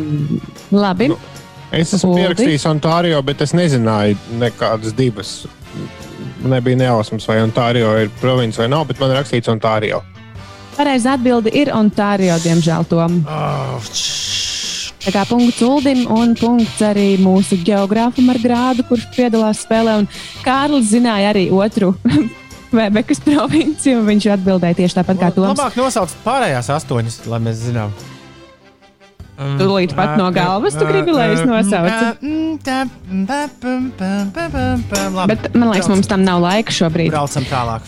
Jā, otrs jautājums bija sarežģītais jautājums. Kā sauc grēdu, kas atdala Ziemeļamerikas un Eirāzijas plātnes ziemeļos un Dienvidamerikas un Āfrikas plātnes dienvidos?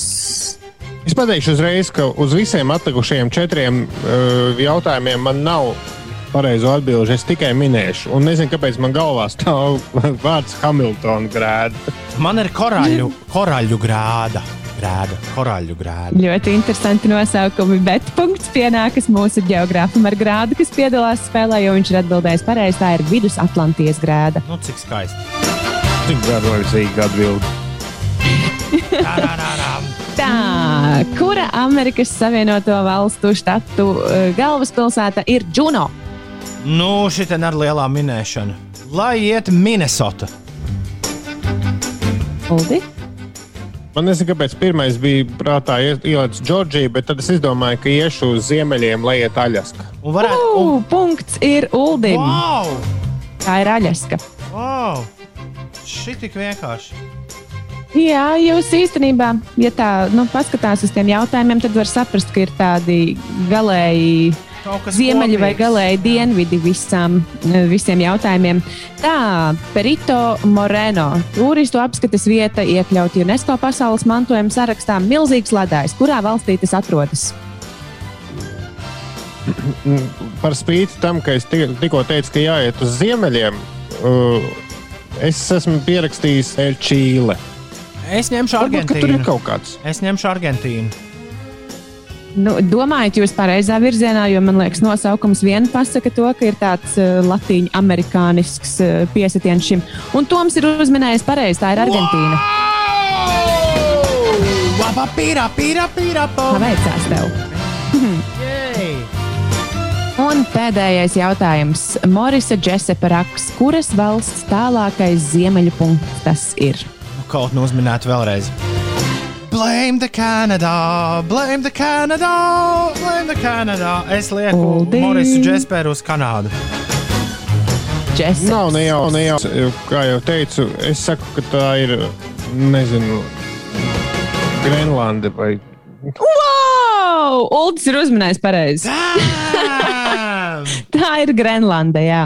Šī nu gan bija varena geogrāfijas spēle. Nu, lai arī tikai viena atbilde man pareizi. Bet, bet sajūta tiešām, cik ka mēs tev galu- galā ir pareizi tam muļķojušies. kaut kā es trīs izspiedu. Super, 3-1. Wow. Normāls futbola rezultāts. Ir šis geogrāfijas spēle.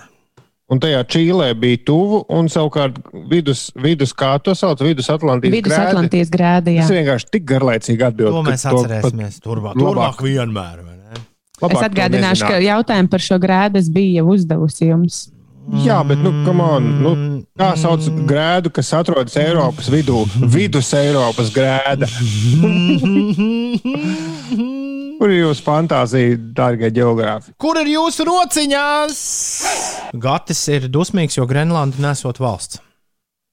Mēs ar Ulu par to arī aprunājāmies. Jā, juridiski tā ir eh, Dānijai piederoša sala, bet tāpat laikā Grenlandai ir eh, sava himna, savs karoks, eh, tā ir balsojusi par tādu lielāku neatkarības iegūšanu no Dānijas. Un Dānijai ir atstātas ārlietu un aizsardzības politikas īstenošanas tiesības. Tāpēc es tā drosmīgi to tomēr nosaucu par valsti. Cerams, ne, neizraisīsim starptautisku skandālu. Jā. Nē, nē, tā- Tādus gan te nevajag, ā, nevajag taisīt. Bez tiem mēs varam mierīgi iztikt. Labrīt, pirmdienā, labrīt, 12. aprīlī šeit Latvijas Rādio 5,5 LV, Grēviņš, Ziediņš un Pučekā. Atpakaļ visi trietā ēterā.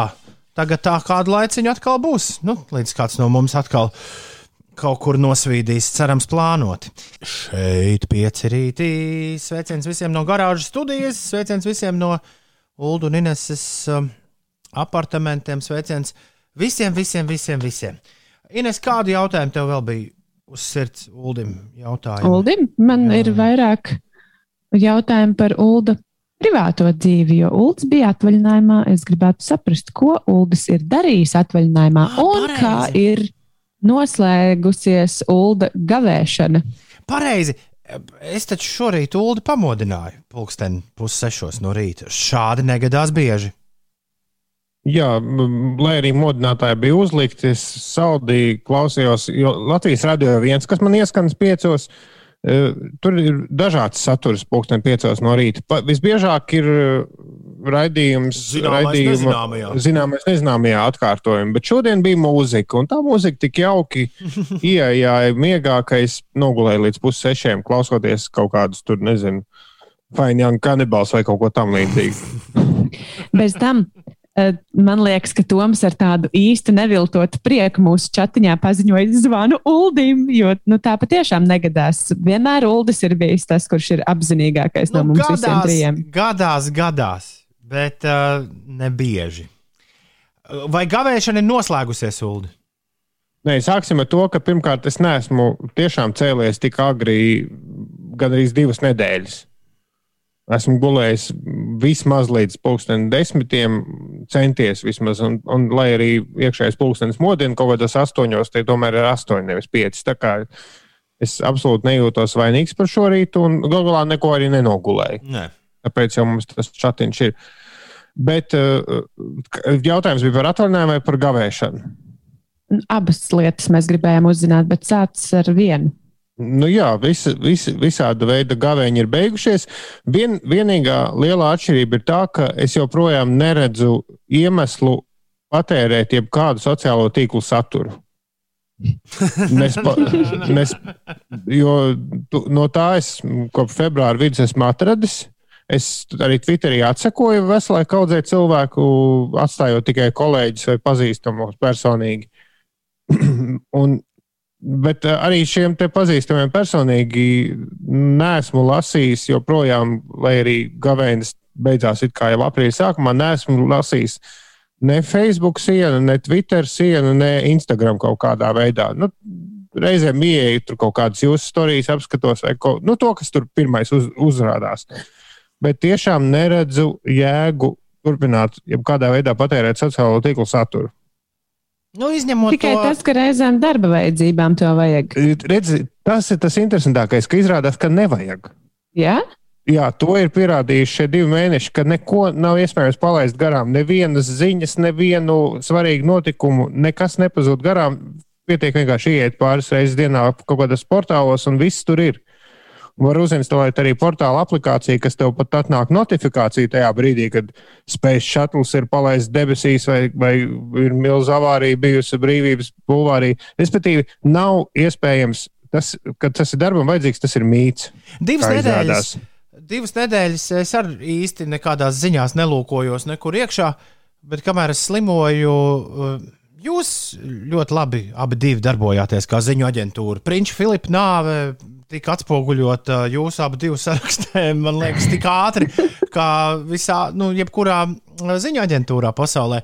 Vienīgi man uh, skumji, ka neviens man nekādas ziņas par žirafēm nedēva. Bet nu, tās ir galīgi vecas ziņas.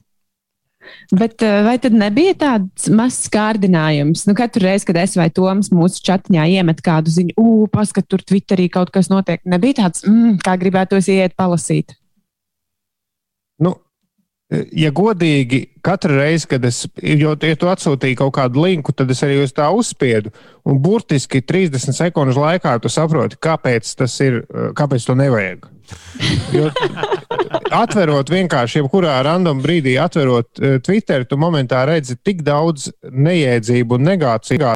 Un uh, svarīgākais ir tas, ka tās ir svešas negācijas. Negācijas gan, jā, tur ir. Jā. eh, Nu, pa labi, bet tu visu to laiku nosēdi podkāstos un klubhausā toties tagad.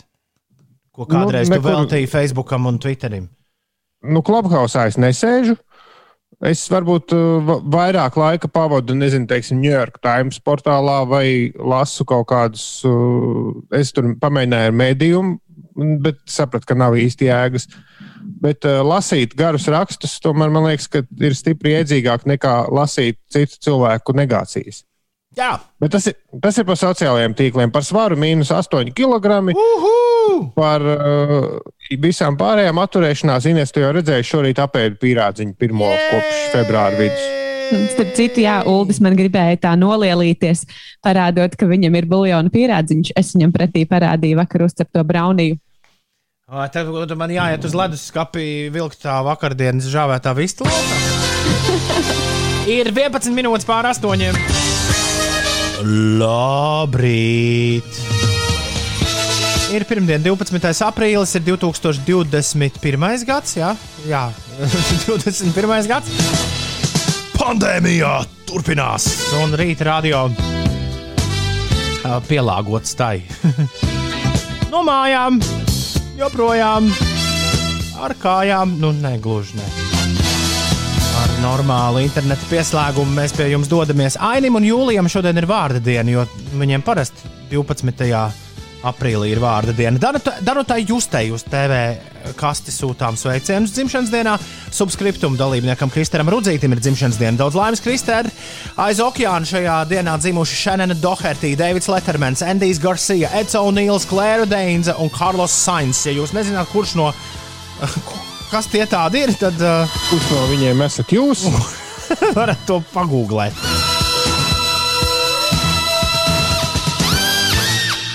Nākamais uh, gavēnis Ines Uldim būs No Google. Mēģināt O, dzīvot bez Tas Google. būtu interesanti. Labi, labi.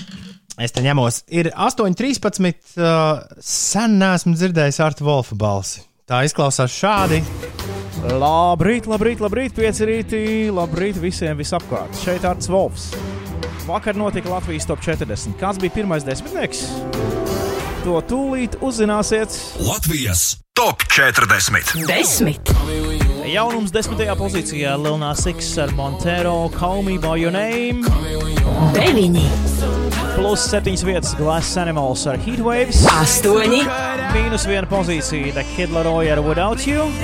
septiņi, Lielākais kāpums šajā nedēļā plus 23 pozīcijas Prāta vētra, Dons un Inters Busulis ar piedošanām. seši, Vieta saglabājas Masked Wolf ar Astronauts in the Ocean. pieci, ATV Topic un A7S ar Your Love 9pm. Mīnus viena pozīcija viņiem. četri, Plus viena pozīcija Olivija Rodrigo ar Driver's License. trīs, Vieta saglabājuši Riton, Nightcrawlers, Mufasa un Hyperman ar Friday.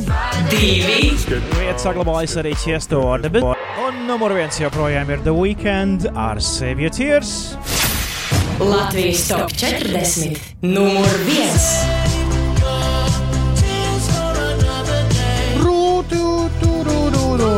Nu, re? Joprojām nekas nav mainījies kopš, kopš pēdējo reizi tikāmies. The Weekend ir numur viens Latvijā.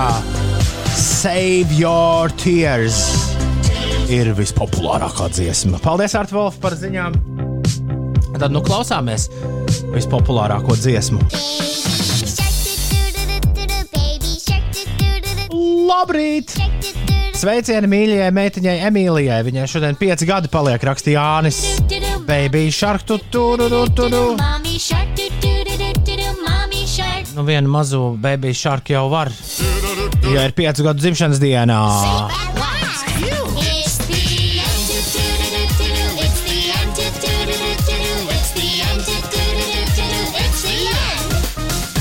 Pečus prasa, kā Inesē eksāmens beidzās. Kas par eksāmenu? Jā, peču viss kārtībā. Mēs jau ar Magnusu ēteru laikā noskaidrojām, ka no 30 jautājumiem nepareizes atbildēju uz četriem, bet uh, tas netraucēja visu nokārtot. Kas tu tagad esi? Es vēl nekas. Tas ir viens no eksāmeniem, kas, uh, kas bija jāliek man. Es šo to mācos. Pagaidiet, ja es pareizi atceros, tad tu būsi. Uh, uh, tev ir ļoti gribā ik viens. Uh, Ik viens viesunams, jo tad sanāks, ka jebkurš pikniks pārvēršas par publisku treniņu. Nu, negluži, nē. Es uh, mācos uh, visādas ar sportu saistītas lietas - fizioloģiju, anatomiju, sporta medicīnu, sporta psiholoģiju. Nu, mazliet, man liekas, šo laiku ir vērtīgi izmantot sevis izglītošanai par uh, lietām, kas tev interesē. Ārtis prasa, kas jauns mūzikā? Uh, Ulu, tu esi dzirdējis jau no Singapūras satīnas skaņdarbu? Jā, es esmu redzējis, tāpēc, ka es gribēju noskatīties klipu, un es noskatījos klipu. Wow! Mm, o, es esmu to... dzirdējis, bet klipu neesmu skatījusies. Es savukārt neesmu redzējis ne klipu, es esmu redzējis tikai bāliņu Instagramā kaut kādas bildes. Uh, es neesmu redzējis ne klipu, ne arī dzirdējis dziesmu. Tik ļoti es taupījos savam ētera kombekam, atgriešanās rītam. Labi, labi, runāšu latviešu. Ir 8,20. Mēs uzliksim tūlīt jauno Singapūras satīnu, bet tā kā ir 8,20, tad laikam Inês tev tagad jārunā, ir nevis Singapūras satīnam. Labi, Stāsti, es varu nu, parunāt. Daugaviņa, kas notiek? No šodienas līdz 30. jūnijam Rīgā tiks ierobežota transporta līdzekļu satiksme uzbrauktuvē no Mūku salas apļa līdz Kārļa, Ulmaņa gatvei un Bauskas ielai. Satiksmes ierobežojumi ir saistīti ar seguma atjaunošanas darbiem un sākoties siltākam un labākam laikam, vairākās vietās Latvijā sāksies ceļu remontdarbi, arī Latvijas valsts ceļi par to ziņo šobrīd lielākie remontdarbi un lielākie tādi satiksmes ierobežojumi ir ieviesti uz vidzemes šoseis augšlīgatnē. Tur jārēķinās ar 30, 50 un 70 km/h tādiem ātruma ierobežojumiem. Par eh, citām remontu vietām var uzzināt Latvijas valsts ceļu mājaslapā. Un uh, ir remonta darbi arī Berģos, braucot iekšā Rīgā. Tur uh, ir jārēķinās ar tādu ilgāku laiku uh, braucienā. Šobrīd izskatās, ka šajā vietā ir 9 minūšu aizkavēšanās. Kā jau ierasts no rītiem, kroksilas balošu pagrieziens tur ir jārēķinās ar aptuveni 10 minūšu kavēšanos. Vienības gatve, Kārļa Ulmaņa gatve ir mazliet sastrēgušas 6-5 minūtes šajā vietā jāpavada. Krustpils iela un Granīta iela. Arī tais krustojums tur ir jārēķinās ar aptuveni 5 minūšu kavēšanos. Ir 21 minūte pārpusdien astoņiem, un šis ir jaunais Singapūras satīna supergrāvējs, kuru sauc Toksisks, Ašniko un Princess Nokia ar Slumber Party 8,28 minūtēs. Pirms tam Singapūras satīns tāds urbāns rīts, draugi mīļie. Mums te tāds uh, sanācis. Uh, liels bija mans izbrīns. Tas bija pašā, pašā slimošanas sākumā kad es padzirdēju, ka Roskildes festivāls ir izsludinājis programmu. Un 26. jūnijā, tātad pēc uh, diviem mēnešiem un uh, uh, divām nedēļām, uh, šim festivālam ir jānotiek. Uh, Roskildes festivāls ir lielāk, viens no lielākajiem uh, festivāliem kontinentālajā Eiropā, kas notiek Dānijā. Apmēram 20 minūšu vilcienu braucienu Kopenhāgenes. Un, jā, es Ašniko redzēju kaut kur Amerikas arī pirmajos izziņotajos festivālos mākslinieku sarakstā. Tāpēc arī šajā rītā par šo aizdomājos, kamēr skanēja Slumber Party. Bet, bet man tiešām bija liels izbrīns ieraugot neviltots izbrīns, ieraugot Roskildes festivāla programmu. Ines no 26. jūnija līdz 3. jūlijam Roskildes festivālā solās būt Kendriks Lamārs, The Strokes, Tyler the Creator, Haimas, Big Thief, uh, FKA Twigs, Floating Points un tā tālāk un tā joprojām. Uh, Vis kaut kādi uh, brīnišķīgi mūziķi. Viņi ir salikuši tiešām uh, pārliecinošu, milzīgu programmu. Cerams, ka tiešām viss notiks tur. Un kā viņi grasās Kendriku Lamāru iedabūt Dānijā 26. jūnijā? Kāds tieši ir viņu plāns? Viņi Kendriku Lamāru Ar dronu nolaidīs. viņi, viņu, viņu, viņu turēs divas nedēļas vai desmit dienas ieslēgtu viesnīcā, pirms viņš kāps uz skatuves. Jautājums, kur Kendriks Lamārs šobrīd atrodas? Skaidrs, ka viņi var ļoti mierīgi arī vienu no lielākajiem Eiropas festivāliem tikai ar iekšējiem resursiem, nu, proti, ar, ar, par, ar saviem apmeklētājiem, tā teikt, uztaisīt. Bet, uh, bet man bija izklausās pēc zinātniskās fantastikas visu šo muziķu ierašanās uh, Eiropā uh, jau ap Jāņiem. Uh, labi, mainām tematu. Jo neviens, nevienam Mēs nekāds īsti komentāru nav. Jā. Nezinām, jā. Mēs neko ne... Būtu interesanti uzzināt, ja tu kādreiz uzduries Uldi internetu meklējumos, kāds ir Roskildes festivāla plāns. Nē, Roskildes festivāla mājaslapā ir viss kaut kas rakstīts. Pirmkārt, ka Dānijas uh, plāns ir mm, visus vakcinēt jau pirmajā, gada pirmajā pusē. Bet kā viņi, es, es tiešām nezinu. Nav arī tā, ka diži interesē, nu, jo tā, tā ir viņa problēma, kā tos mūziķus dabūt. Bez tam, ja jau viņi ir izziņojuši šos mūziķus, nu, nav tā, ka viņi tur, nezinu, paši uz savu galvu, pilnīgi ne ar ko nerēķinoties, ir kaut ko izdomājuši. Tur noteikti pamatā ir eh, diezgan nopietna izpēta. Un, Tā, tā ir viņi kāda- nevarētu būt tik ļoti pārliecināti par šīm lietām, ja viņi nezinātu, ko dara. Jā, tā noteikti nav mūsu problēma. Tā ir kāda arī. problēma šobrīd. Un, lai tas kāds to arī risina, mēs tikai varam priecāties, ka kaut kas notiek. Tā jā. Mm, vai plāno? Nu, nu, es domāju, pagaidām mēs varam palikt arī pie tā, ka plāno notikt. Kāds zinātājs mums raksta, ka Dānijā līdz 27. jūnijam ir paziņotas, izziņotas vakcinācijas beigas. Visi būs savakcinēti, kuri to vēlējās. Tad ar Nu, savām ā, vakcinā... Rosk- vakcinācijas pasēm varēs uz Roskildu doties. Bet nav jau nekādas pases. Nu, ne, tev taču iedeva kaut ko. ā, Nē, Tu bildēji, liki Instagramā. Nē nu, tev iedod tādu lapiņu, uz kuras ir atzīme, vienkārši uzrādīts, kad tev ir nākamais datums, bet tā nav nekāda pase, kas tev būtu. Uh, šobrīd Citās es zinu, valstīs runā par zaļo certifikātu. jā, bet arī tikai runā. Kā Britu premjerministrs teica, nē, nē, nē, mēs vēl neesam neko tādu pieņēmuši. Tas ir tikai tāds plāns. Bet nu, skaidrs, ka droši vien ka kaut kādā veidā būtu ērti, piemēram, tādā pašā Roskildē, tu brauc no Latvijas un tu vari uzrādīt, ka tu esi vakcinēts un viss. Bet kā tas Ah. notiks, nav nejausmas. Nekādas pasas katrā ziņā nav. Kā minēja kāds klausītājs, poļi arī grasās savu lielāko festivālu Opener organizēt. Tur Chemical Brothers un Killers smuki ir ielikti jā, uh, programmā. Bez minētā Kendrika Lamāra. Bet, piemēram, Beļģijas lielākais uh, festivāls, kas vienmēr notiek vienlaicīgi ar Roskildu un Opener uh, Rockwerter, gan viņu mājaslapā skaisti ir uzrakst, uh, skaisti uh, milzīgiem burtiem rakstīts Rockwerter 2022. Nu, būs interesanti, protams, paskatīties, vai tiešām 21. gada vasarā atgriezīsies skaļi trokšņi uz Eiropas laukiem. Pagaidām gan nu, mēs par to varam tikai spekulēt un jāskatīties, kā tie sarakstiņi šur tur uzrodas. Ir pirmdiena, 12. aprīlis, un uh, Ulu, vai mēs tiešām iztērēsim mūsu jaunajai muzikai veltīto, uh, uh, uh, veltītās minūtes lai uzliktu dziesmu, kur tu šorīt atradīji angļu Pokemonu topā. Es pat biju vien brīdi apsvērt to iekļaut interesantajās ziņās, bet, bet es domāju, ka jā. Vai tev, ir- vai tev ir zināms, no kurienes šim auga kājas, ko mēs tūdaļ dzirdēsim? Man drīzāk likās, ka dīvaini, jo man šķita, ka šāda dziesma, šāds remiks jau ir bijis pirms kaut kādiem, nezinu, gadiem, 10 vai 15. Bet ne, tas ir vienkārši viens britu DJs, kurš ir izdomājis un, un, un paziņojis saviem draugiem, radiem, ka, evo, paskat, ko es izdomāju uztaisīt. un tas ir aizgājis. Nu, un tas ir aizgājis. Tas ir... Jā, viņš ir vinnējis.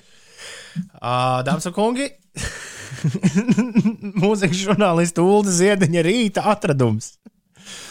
Uh, jau šobrīd liels grāvējs apvienotajā karalistē šaubu nav. Uh, mēs sekosim tūdaļ pat uz karstām pēdām. Uh, Šis ir DJs Majestic, un viņš ir apstrādājis leģendārās 70. gadu disko grupas Bonnie M hitu Rasputin. Un tas izklausās šādi. Majestic un Bonnie M.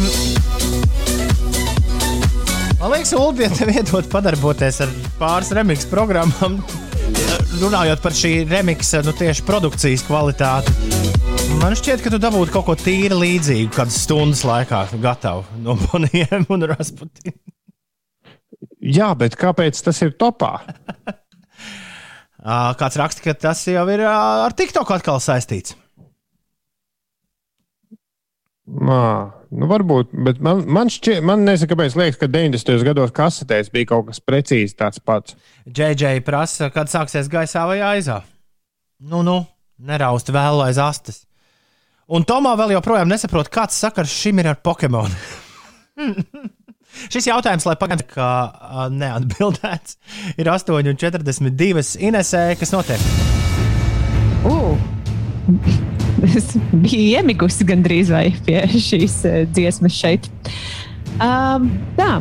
Jā, tas, par ko es gribēju aprunāties ar eh, klausītājiem, par to, ka 24. aprīlī būs lielā talka. Tā notiks, protams, ievērojot visas eh, piesardzības prasības, bet nu, pavasaris ir tas laiks, kad vajadzētu pievērst uzmanību tam, kā izskatās mums apkārt. Bez tam mēs tik ļoti daudz eh, staigājam dabā pa visādām takām un visu kaut ko citu darām.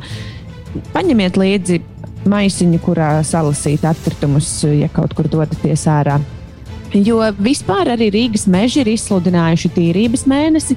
Rīgas meža aicina līdz 17. maijam savākt Rīgas pilsētas administratīvās teritorijas mežos izmestos atkritumus, un arī jūrmalā sākas spodrības mēnesis. Par laikapstākļiem šodien, šodien būs diezgan laba diena, lai dotos ārā vismaz līdz eh, pēcpusdienai. Šajā rītā Latvijas debesis daļai mākoņainas, dienas laikā to daudzums pakāpeniski palielināsies, ik pa laikam gaidāms lietus, nokrišņi gan vairāk gaidāmi kurzemē un zemgalē. Gaisa temperatūra no plus 11 grādiem paaugstināsies līdz 16. Vietām kurzemē piekrastē gan būs mazliet vēsāks, tur plus 8, plus 10 grādi. Galvaspilsētā eh, mākoņi vilksies pāri debesīm. Bet eh, nu, nokrišņi vairāk gaidām pēcpusdienā. Tā kā līdz tam varam iet ārā, paņemt maisiņu līdzi un salasīt atkritumus, ko citi nav mācējuši salasīt. Pēc Russian Craziest Love Machine ar steigu vajag Full Fighters. Uldis ir neprātīgais. Ines, šorīt. Kāpēc tu tā saki? Tāpēc, ka viņš man ir salicis pilnas interesantas ziņas ar uh, kaut ko, kur man jāsagaida, lai reklāmas beidzas. Nebūtu es to pamanījis, būtu traģēdija. Bet tā vietā tagad būs uh, labs saturs. Rīta radio Nu, eterā. jā, nu tāds stiepts jēdziens ir vārdā labs, bet Būs saturs. Saturs būs 8,53. Labrīt!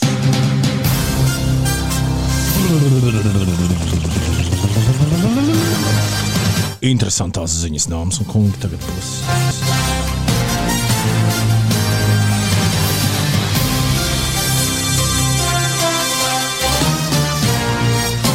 Šodien, kā parasti pirmdienās, interesantās, interesantās ziņas būs ar muzikālu piesitienu.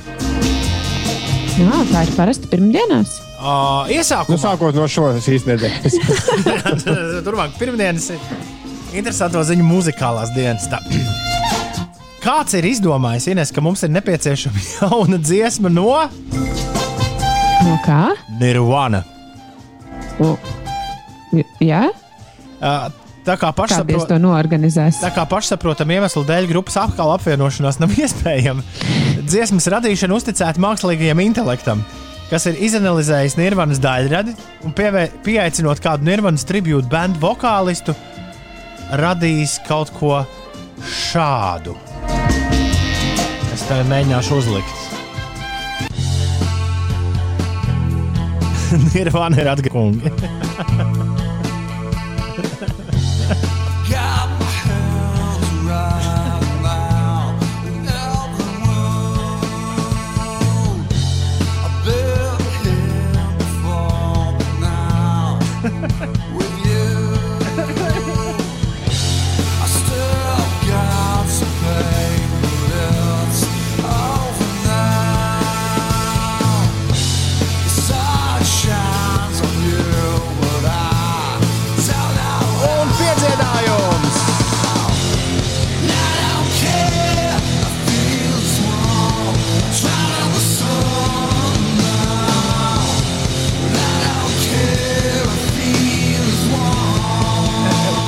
Ka Džeki var labāk.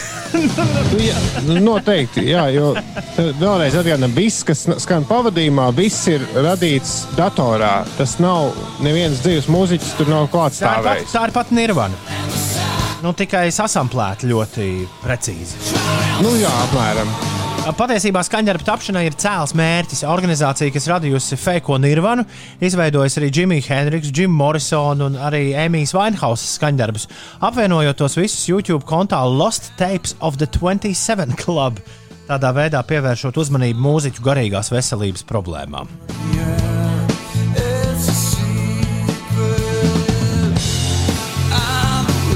Žēl, ka Vainhaus nav pie, nav pie rokas.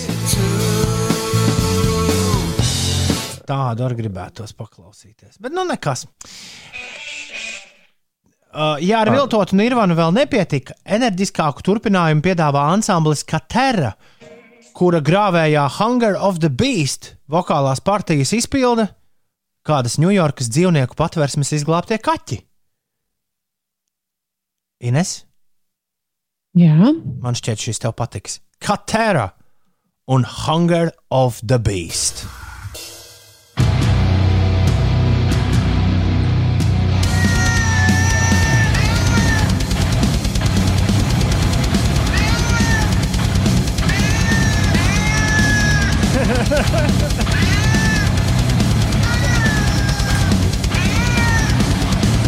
Kāds sūdzējās, ka šorīt nesot enerģiska mūzika? Ja? Eh, Man ir jāpastāsta klausītājiem, ka tajā, tad, kad es šo dziesmu pirms nepilnas stundas atradu un nospēlēju aizkadrā, eh, manu kaķu uzmanību tā piesaistīja momentā. Jā, tā kā domāju, gan. ja jums ir kaķi blakām, pagriežam šo skaļāk. Es ieliku šo piecu rītu Twitterī. Obligāti. Kaķu metāls, beidzot. Tik tālu esam tikuši.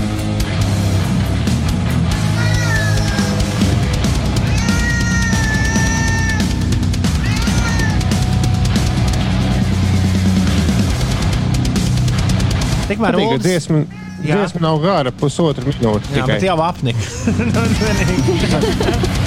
Klau, e, ir, Hunger of the Beast, ja šo jā, sauc. Hunger of the Beast, kā Terra izpilda to. Tā kā Cats Jā. Terra. Tikmēr Ulas ir atradis uh, Aimijas Vainhausas mākslīgā intelekta atdzīvinājumu. Uh, O, labi. uh, šo sauc Man I Know. Man I Know. Tā, Emīļa Vainhaus, mākslīgais intelekts, arī viņu uzcēlis no mirušajiem.